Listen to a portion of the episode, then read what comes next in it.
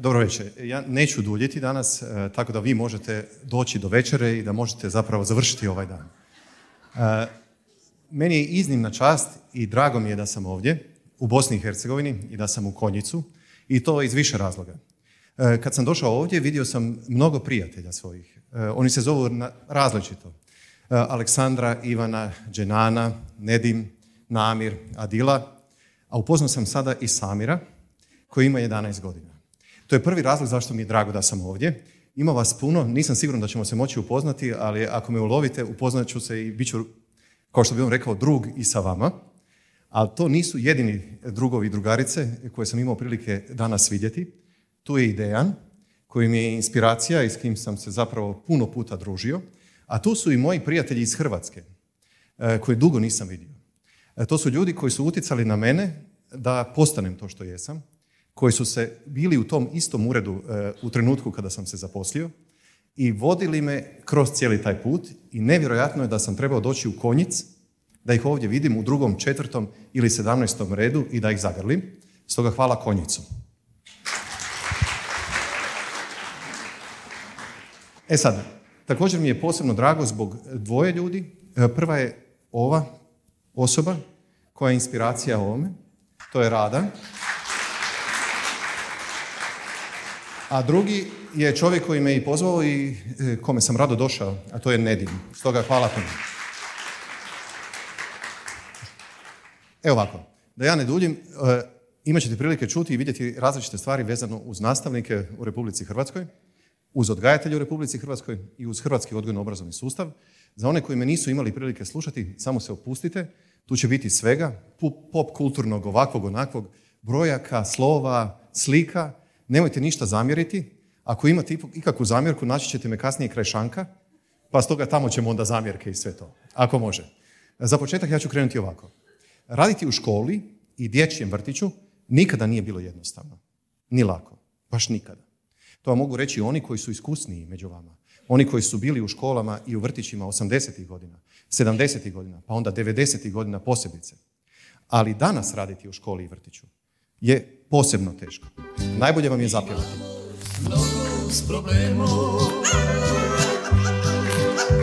I lutamo svijetom bez Nosimo brkove silčares, a svi nas zovu Spiri Gonzales. Čekajte, čekajte, čekajte, čekajte.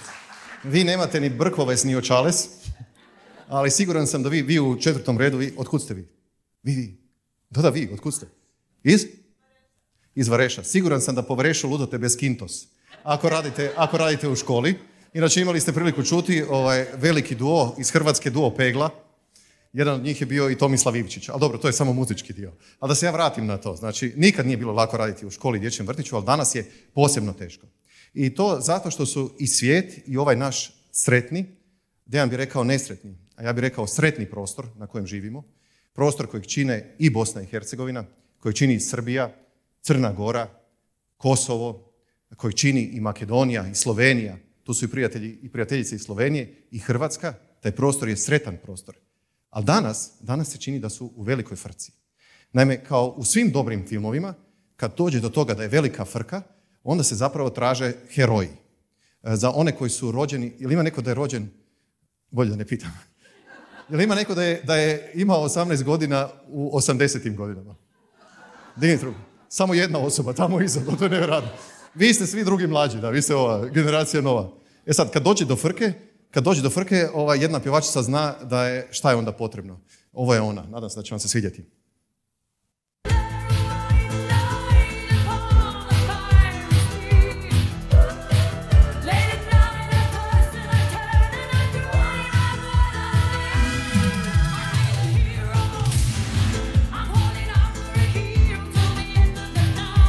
Dobro, pazite, Bonnie Tyler traži heroja na jednu noć. To nije baš heroj koji se traži, ovaj, to, je, to je nezgodno. Ali u današnjem izrazu, izrazito polariziranom svijetu postavlja se pitanje gdje su ti heroji, budući da se oni heroji pod navodnicima koji bi se trebali brinuti za sve druge, više brinu za sebe nego za druge. Evo jednog takvog heroja. Evo još dvojice takvih heroja iz zemlje iz koje ja dolazim. Ko se to tako slatko smije iza? Pazite, nećemo sad ove međunacionalne fore. Ja se smijem šaliti sa njima, ali vi baš i ne, tako da, ove, da ne bude... Mislim, mogao sam ja i vaše staviti, ali nećemo sad u to ulaziti, takve stvari. Vaši su bolji, ko to kaže? Aha, da, da. No dobro, ajde, pustimo sad to. Znate, ti heroji bi se trebali boriti za opće dobro, ali kao što je Dejan rekao, zapravo ne bore se.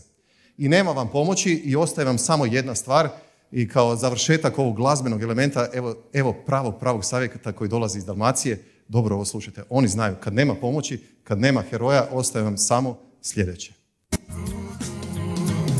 Ma vidi vraga, baš kako su javili sinoć na vijestima Sunce i jutro si izgubilo sjaj Stvarno bliži nam se kraj, moram priznat, čudan osjećaj Kažu, Jučer iznenada su se otvorila vrata nepoznate dimenzije negdje pored Marsa Iz njih je izletija ogroman asteroid i sad juri prema zemlji kažu nema nam spasa Neki govore to smo prizvali sami Neki tvrde to je Božja kazna Ja se pitam koliko astronomski mala je mogla biti ta šansa Al opet dobro da je danas na radni dan A ja ću ostati doma u skid dana Apokalipsa sa vašeg balkona Rezolucija perfektna Kristalan sound surround all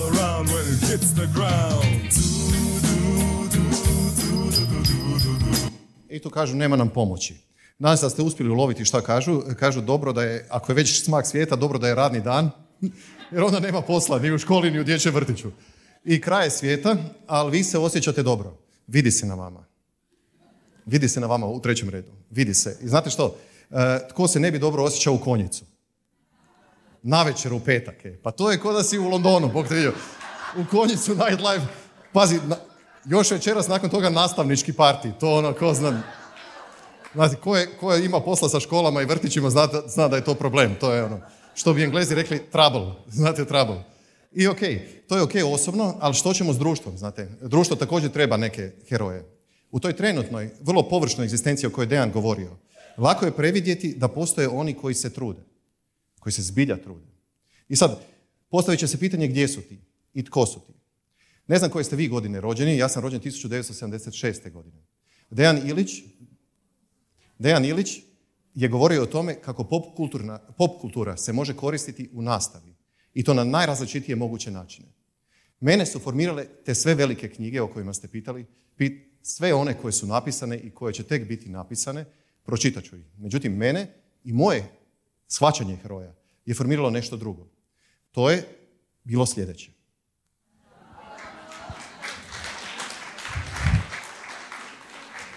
Jako, jako zahtjevna bosansko-hercegovačka publika. jako zahtjevna. Ja mislim da se pokaže da bi tu bilo ne znam što. E sad, za one koji ne znaju, naročito za one mlađe, jer u Hrvatskoj ne znaju mlađi o čemu se radi. Radi se o grupi TNT i o Alanu Fordu, stripu, koji je utjecao na generacije ljudi na ovim prostorima. On je utjecao na to da se zapravo na heroje gleda na drugačiji način nego što bi cijelo današnje vrijeme da se gleda na njih. Ti heroji nemaju ne znam kakve aute, ne izgledaju ne znam kako, oni su skupina koju čine različiti ljudi, pa tako ti različiti ljudi čine neki znanstveni institut, neki fakultet, neko sveučilište, a posebice neku zbornicu u osnovnoj i srednjoj školi, posebice neki kolektiv u dječjem vrtiću. U svakom tom vrtiću, u svakoj školi, u tom svakom institutu postoji barem jedan Recimo, jedan koji je, evo ovaj tu, ako vidite. Ovaj tu, Grunf. grumf kao sve zna, ništa ne zna. On ne može ni... Dobro, sad nećete, pa nećemo stati do sutra. Nemojte ništa, čekajte da završimo ovo u, normalno vrijeme. Postoji Grunf, postoji Grumf koji kao sve može srediti, a ništa ne rješava. Onda imate ovaj, imate Sir Oliver, taj mulja, taj samo zamračuje po, po školi i po ovome. Tu je, ovaj, i, ovaj, imate eh, debeli šef, onda je tu Jeremija, Tog uvijek nešto boli u školi. Jeremija, vi ste Jeremija, tako? Tu je onda i, i e, Alan Ford, on je ljepuškast, ali glup totalno. Tu je onda Bob Rock, on je mrzovoljan, nema, to je katastrofa i ne znam što. I onda tu su još i različite druge životinje i to su bili heroji koji su nas spašavali. Oni su se borili protiv gumifleksa, protiv superhika koji je otimao sirotinji da bi dao bogatima. To je bio kao, kao trenutak koji danas živimo. E sad, to su bili moji heroji. A gdje su danas heroji? Možda, možda su i ovo heroji.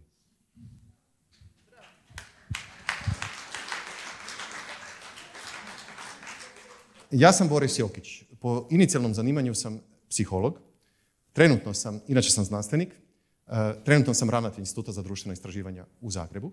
Ja ću kroz sljedećih jedno, nadam se, 25 do 30 minuta pokušati ispričati priču o tome kako je raditi u odgoju i obrazovanju, i kako je moguće ili nemoguće ostati normalan u ovom trenutku.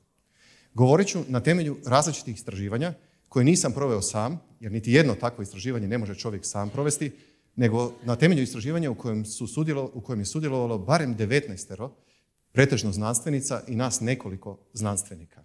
To istraživanje je provedeno u 161 školi u Republici Hrvatskoj i to 81 osnovnoj i 80 srednjih škola. U tim školama u svakoj od tih škola sudionici su bili ravnatelji škola, potom oni koji su rijetko kada sudionici istraživanja, a većinom provoditelji, to su stručni suradnici, te učitelji i nastavnici, kako iz osnovnih, tako i srednjih škola.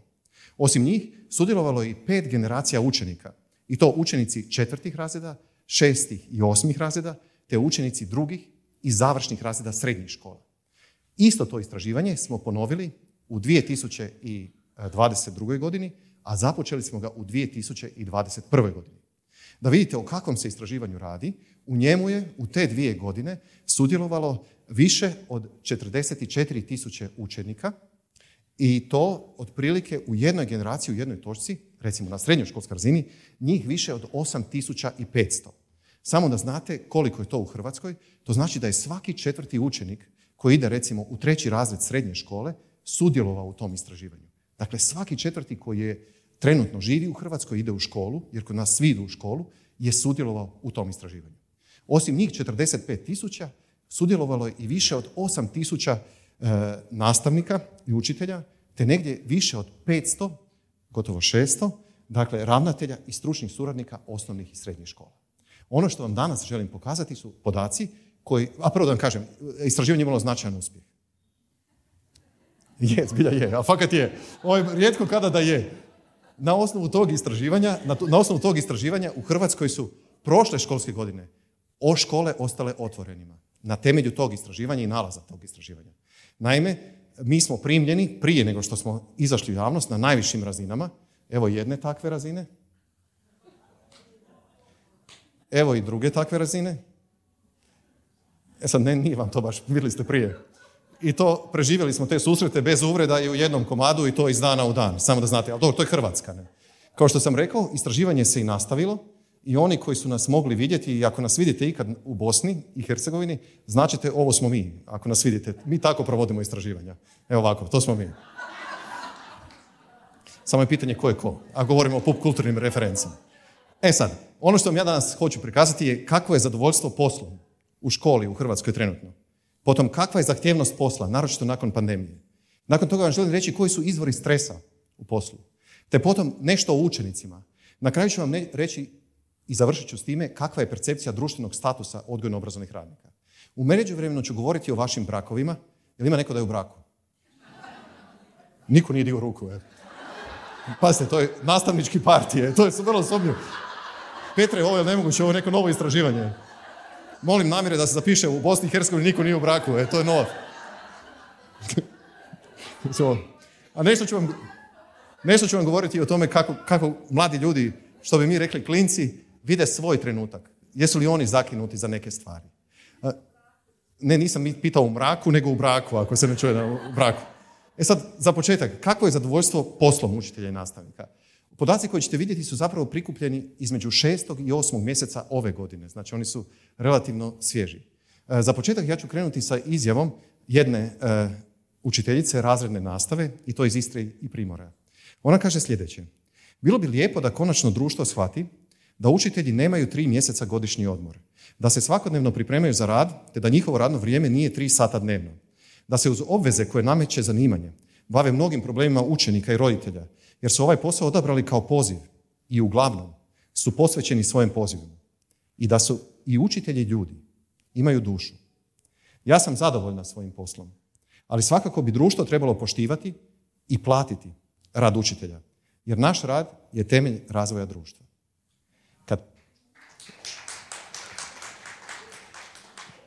Samo da vam nešto kažem, jako usporavate ovaj proces. Ako vam je do večera i do ovoga se jako usporavate. E sad, mi smo sve te tisuće ljudi pitali zapravo koliko su zadovoljni poslom. I to na različitim stvarima. Od toga da li uživaju radeći kao učiteljice, nastavnice, nastavnici. Da li se raduju svakodnevnom odlasku u školu. Da li ih posao ispunjava.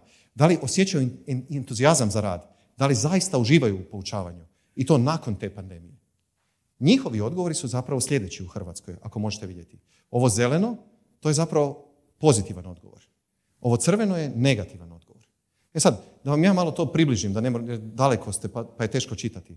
82,8% hrvatskih učitelja i nastavnika izjavljuje da uživa u poučavanju. 78,4 njih kaže da i dalje osjeća entuzijazam za rad. Ti ljudi, a isto je i u vrtićima, ti ljudi žive za taj posao. Oni su zadovoljni tim poslom.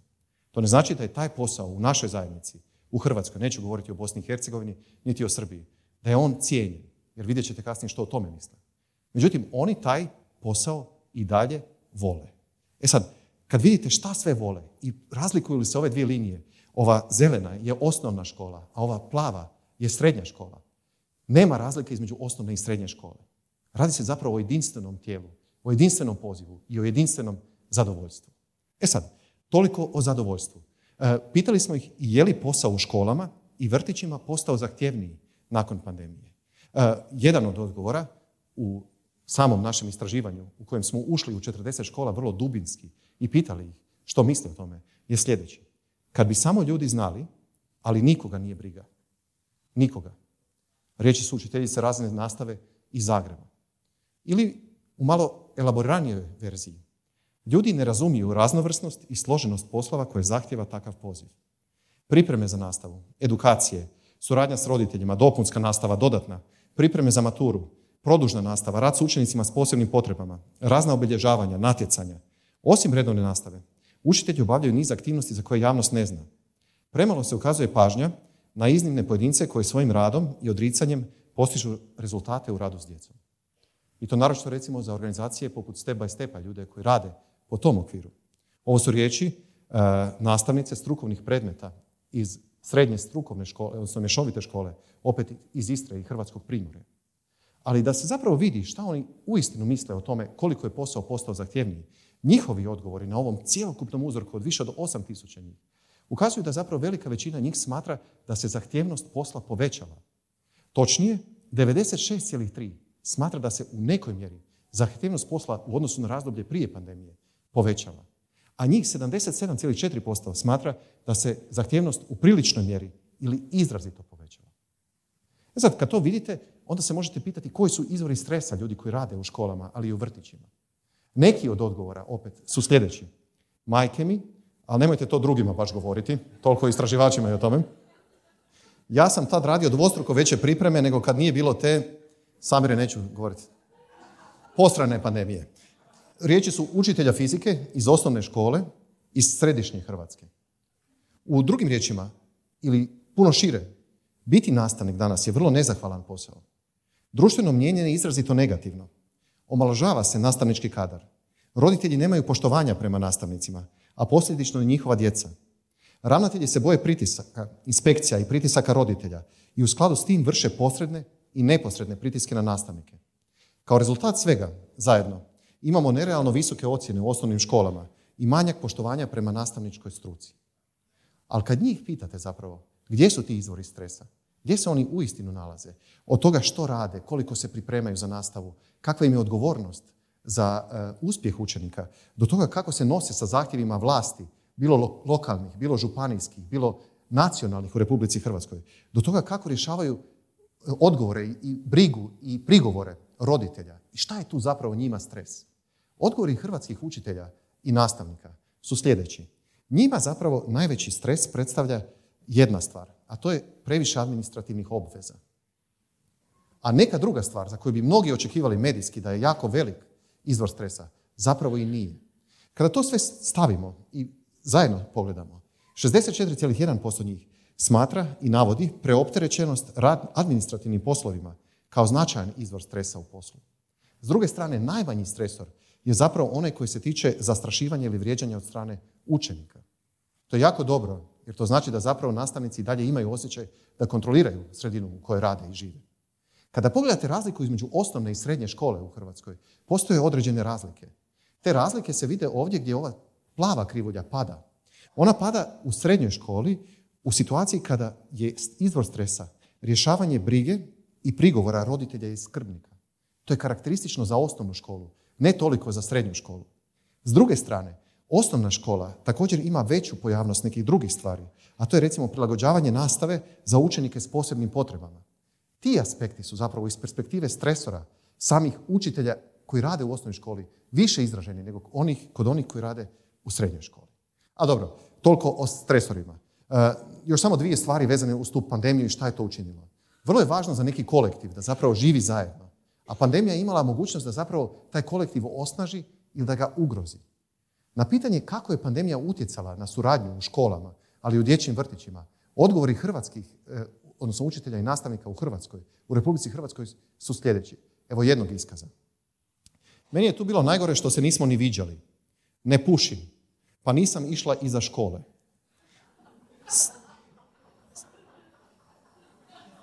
Sve je to bilo čudno nekako smo se otuđili jedni od drugih.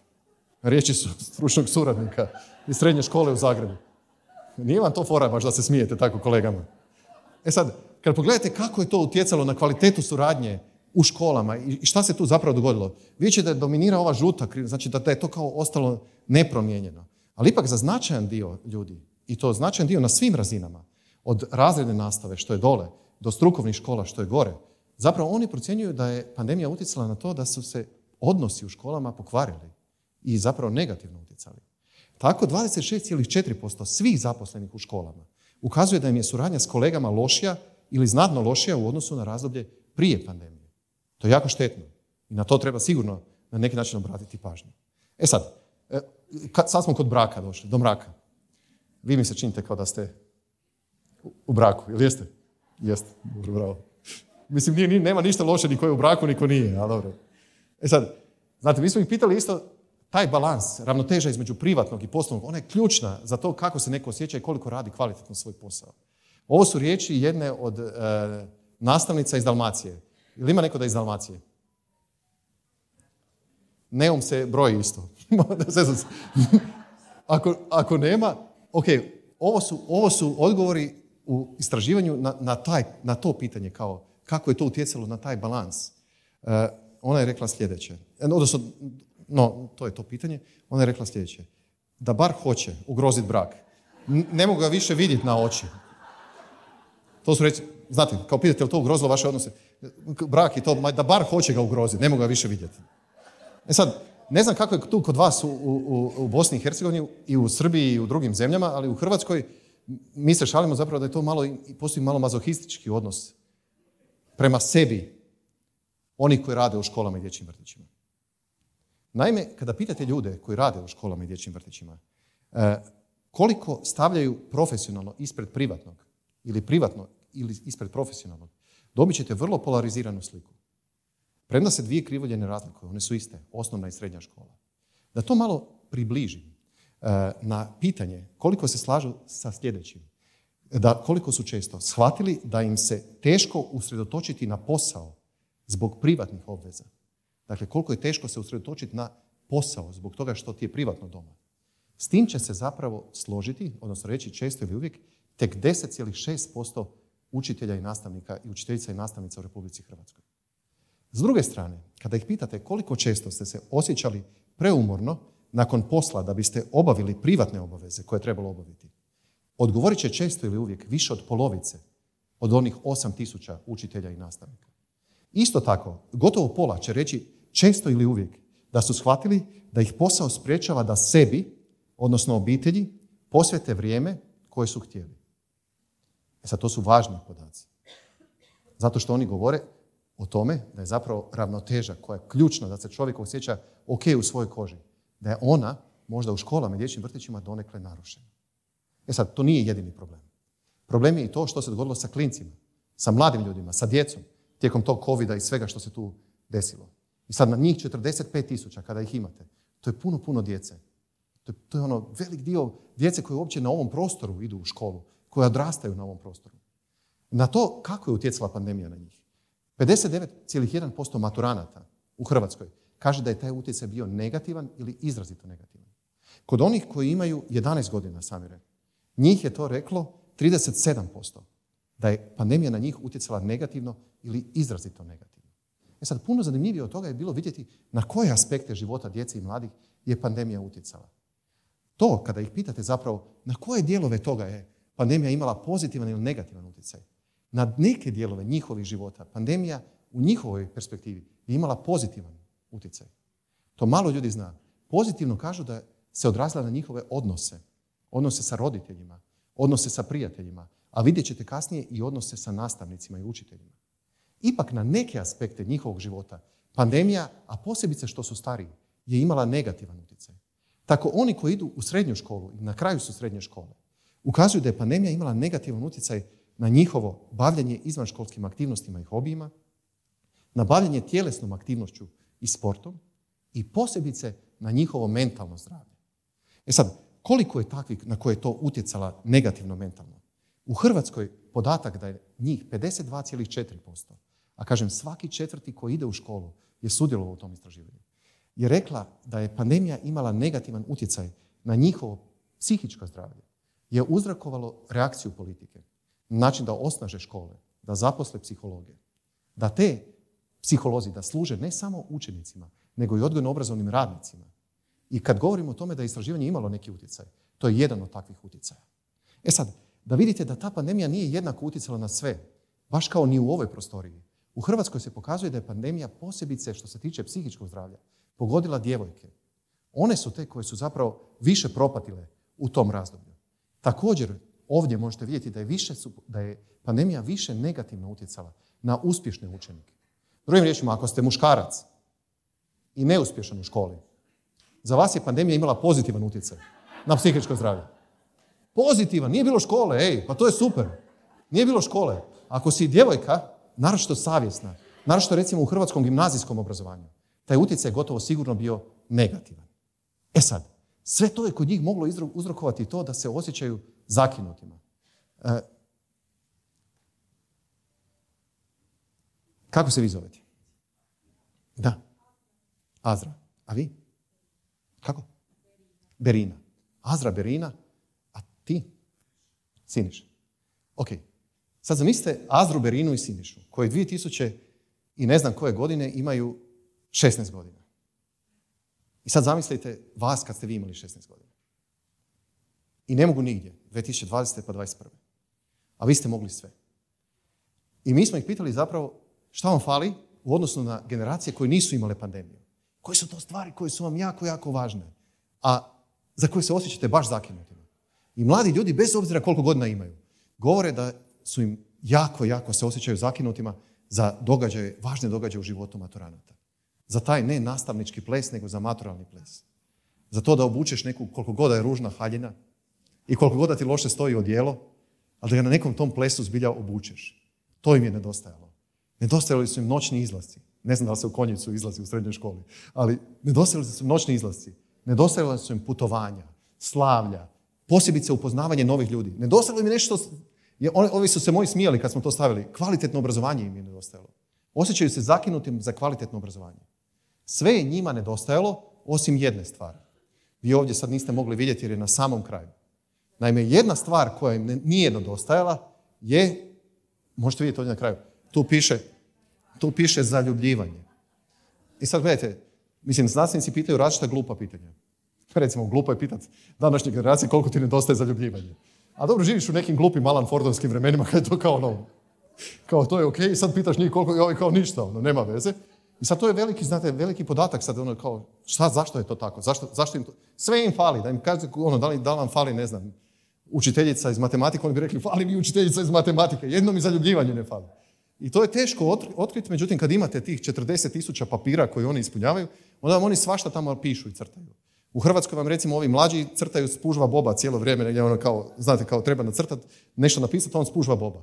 Pišu, cijelo vrijeme pišu Bad Blue Boys, eh, Hajduk živi vječno, takve, takve gluposti. Međutim, jedna od njih je napisala nešto u vezi tog zaljubljivanja, što nas je opet ono, potaknulo da ni samere ovaj, nisu ti znanstvenici isto malo glupi, evo da se tako kažem. Jedna učenica u gimnaziji u Varaždinu je rekla sljedeće. Predlažem autorima istraživanja da izbace ovakva bumerska pitanja kao ovo o zaljubljivanju. Nije vam ovo više 1997. godina. E sad. Dobro, to je iz Varaždina. Zli, dobro, Varaždina će lijep grad. I za sam kraj učenicima, prije nego što dođem do ovog dijela o društvenom statusu, nama je bilo vrlo važno vidjeti kako oni uspoređuju ta dva aspekta. znate, ovi koji rade u vrtićima, tu je kontakt izravan. Oni koji rade u osnovnim i srednjim školama, taj izravni kontakt je u jednom trenutku, slijedom razvoja digitalnih tehnologija i pandemije, otišao u neke druge sfere. I nas je zapravo zanimalo da oni usporede da li za njih, što se tiče kvalitetne nastave, da li to više vrijedi za nastavu uživo ili za online nastavu. S tim da se Hrvatska relativno dobro nosila sa online nastavom.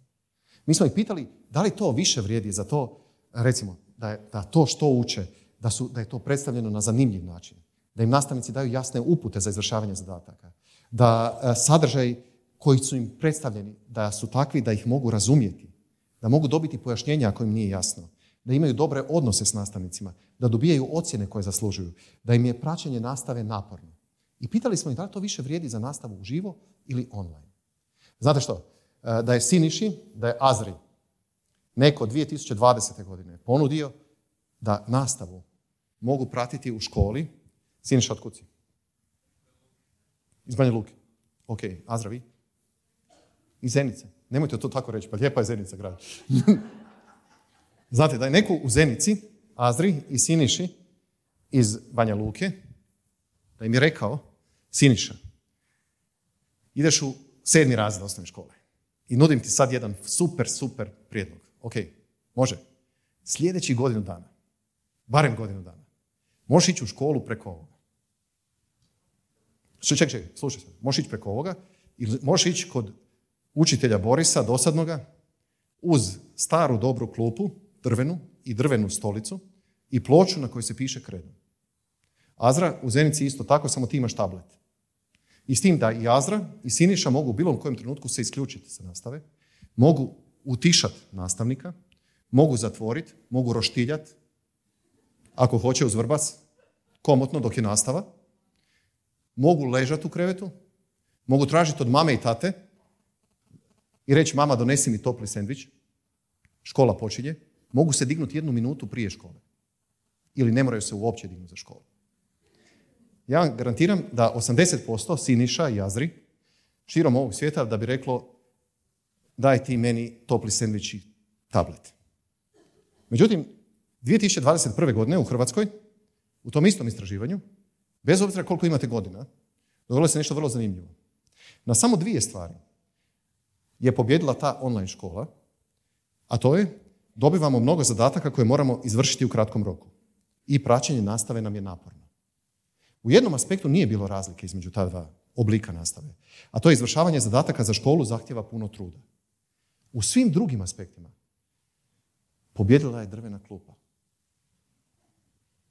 Ali nije pobjedila samo drvena klupa ili kreda. Pobjedio je ljudski odnos.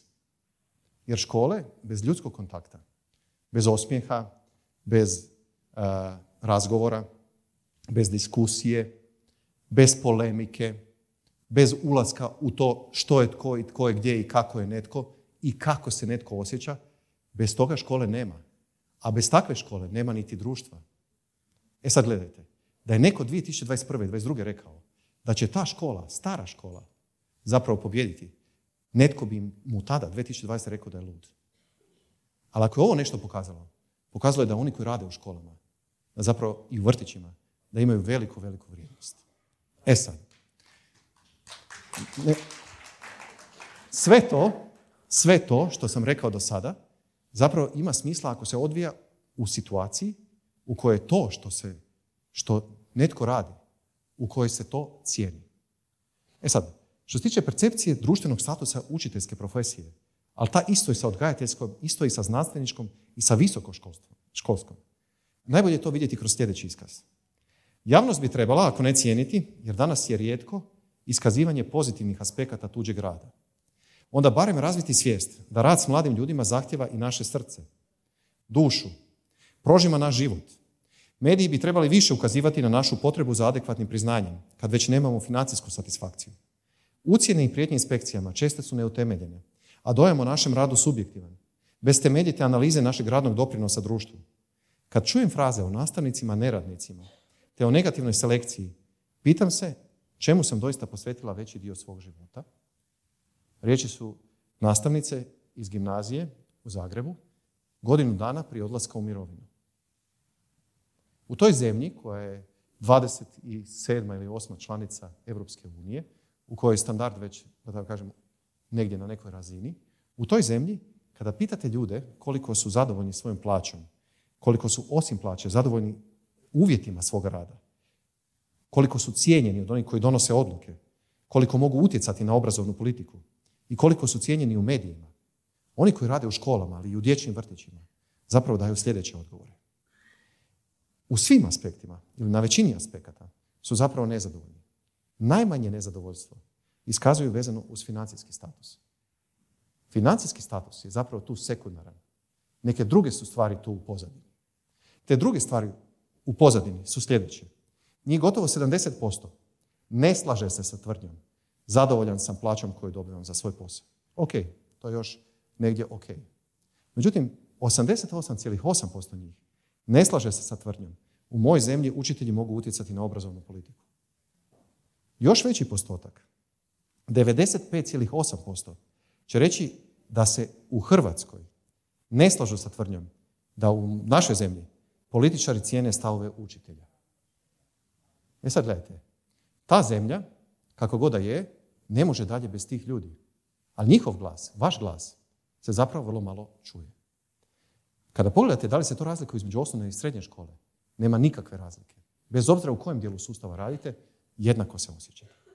I sve to dobiva još jedan poseban štih kada pitate one kojima ti ljudi predaju. Njih 8419 u petom mjesecu 21. godine na pitanje nastavnici su nedovoljno cijenjeni u Hrvatskoj. Na to pitanje će se uvelike složiti. Točnije, 60,5% maturanata se slaže sa tvrdnjom nastavnici su nedovoljno cijenjeni u Hrvatskoj. A među onima koji su najbolji po školskom uspjehu, taj postotak je 87%. To one koje ste vidjeli na slikama prije, koliko god da su poslušali rezultate istraživanja, treba zapitati zapravo ko će raditi u tom sustavu. Kakav je tu sustav? Kako ga tretiraju? Što se tu zapravo događa? Kao zaključak svega, želim reći sljedeće. Neki će vam reći sljedeće u tom istraživanju. Oni su opet još imali još jedan godišnji. Ništa nisu radili. Riječi su nekih od roditelja u tom istraživanju. Anegdotalno, političari iz cijele Hrvatske će vam reći, mislim i onako imaju tri mjeseca svake godine i različite beneficije. Nemoj Jokiću biti naivan. Iz medijske perspektive će vam reći koga briga za prosvjetare više. Kad malo razmislite, posao je postao zahtjevniji. Učenici su u problemima. Ravnoteža poslovnog i privatnog je ugrožena. Nužno je adresirati pitanje dobrobiti učenika i zaposlenih, te posebice podići status odgojno-obrazovnih radnika u svim dijelovima tog istog sustava i u svim ovim društvima. I to ne zbog nekih grafova, zbog nekih brojki, nego zbog sljedećeg. Ovo su riječi jedne učenice iz Zadra u tom istom istraživanju. Mislila sam da to nikada neću reći ili napisati, ali škola, ova stvarna škola, je važna. I to još više zbog toga kako se osjećamo, nego što tu naučimo. Bez nje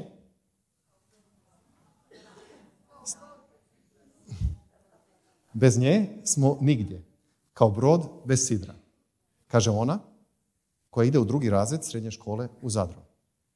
Pak neko drugi kaže sljedeće. Ovo mi je razdoblje bilo najteže u mojoj karijeri. Nikada nisam bila toliko istrpljena i pitala se trebam li ostati u školi. Riječi su nastavnice matematike iz osnovne škole u Slavoniji. Ono što mi možemo učiniti i trebamo je učiniti sve u našoj moći da škole, dječji vrtići i fakulteti ostanu ili da postanu mjesta učenja, ali ne samo učenja, nego i odrastanja, zezanja, zabave, plesa, druženja, bez obzira na zle komentare iz Varaždina, zaljubljivanja. Ta mjesta trebaju biti takva da su mjesta kvalitetnog rada i zadovoljnih radnika. Radnika koje društvo ne omalovažava. Jer zapravo kad pogledate što oni govore i što vi govorite, to se najbolje može vidjeti kroz sljedeće. Loš odnos prema učiteljima može se prepoznati u medijima, obitelji, društvu općenito, gdje se taj poziv rad ne je dovoljno, bilo kroz plaću, bilo kroz sliku učiteljskog posla. Nije mi jasno kako se takvim ponašanjem misli potaknuti nadarene i sposobne mlade ljude da zavole ovu profesiju i odaberu je kao svoju. Moji učenici s trogodišnjom srednjom školom imaju po 2000 kuna veću plaću kao početnici nego mladi kolege profesori. Da ne govorim o tome da je stvorena slika da nastavnici ne stvaraju nove vrijednosti za razliku od zaposlenih u privredi. Jadna su društva koja 2022. godine kao vrijednost smatraju šarafe, čips, rude koje imaju i pivo. Ta su društva jadna. Bjedna su takva društva. Oni nemaju, takva društva nemaju nikakve šanse za deset godina, a ne za 60 godina. To danas možda igra u ovom posttranzicijskom vremenu u kojem živimo, u kojem je važno kakav koji auto ima, i kakve ko cipele nosi i koliko se može zapravo svidjeti nekome sa nekakvim riječima. Ali sutra, sutra to ne igra. To danas igra i zbog još jedne stvari. Danas sve ulice vode istom križanju. To križanje, ili raskršće, ili raskrižje, kako god hoćete, se zove raskrižje u kojem se sreću ulice koje se zovu strah, koji se namjerno zapravo širi da bi kontrolirao ljude. Nepovjerenje, prema nekomu ko se zove Dušan, Dejan, Azra, Bekir, Petar, Hrvoje, Joža. To je sve namjerno. To je ulica sebičnosti, gdje ljudi zapravo gledaju samo svoje dobro. To je posebice uloga i ulica pohlepe, u kojem svako samo gleda svoju ekonomsku dobit. A sve to zapravo je također vezano uz ulicu apatije, gdje ljudi postaju bezvoljni.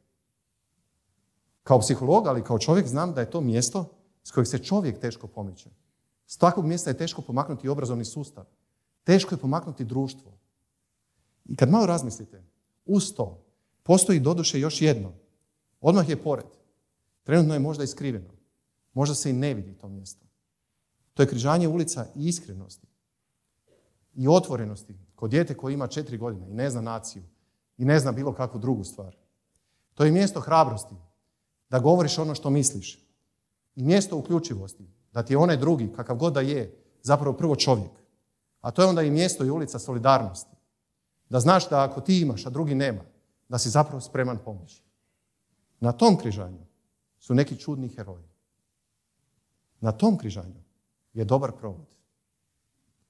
Na tom križanju se i dalje sanjaju neki drugačiji snovi. na tom križanju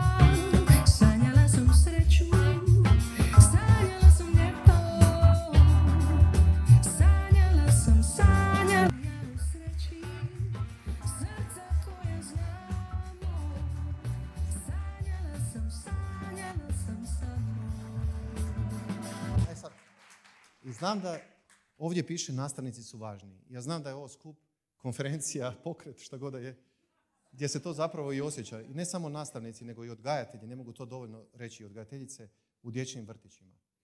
Ali rijetko ko će zapravo društvu reći da ste važni. I imam potrebu iz Zagreba zapravo reći, iz Hrvatske kao takve, ljudi koji rade na ovim prostorima, odgojno-obrazovnom sustavu, su izrazito važni. I važni ste. I veliko hvala.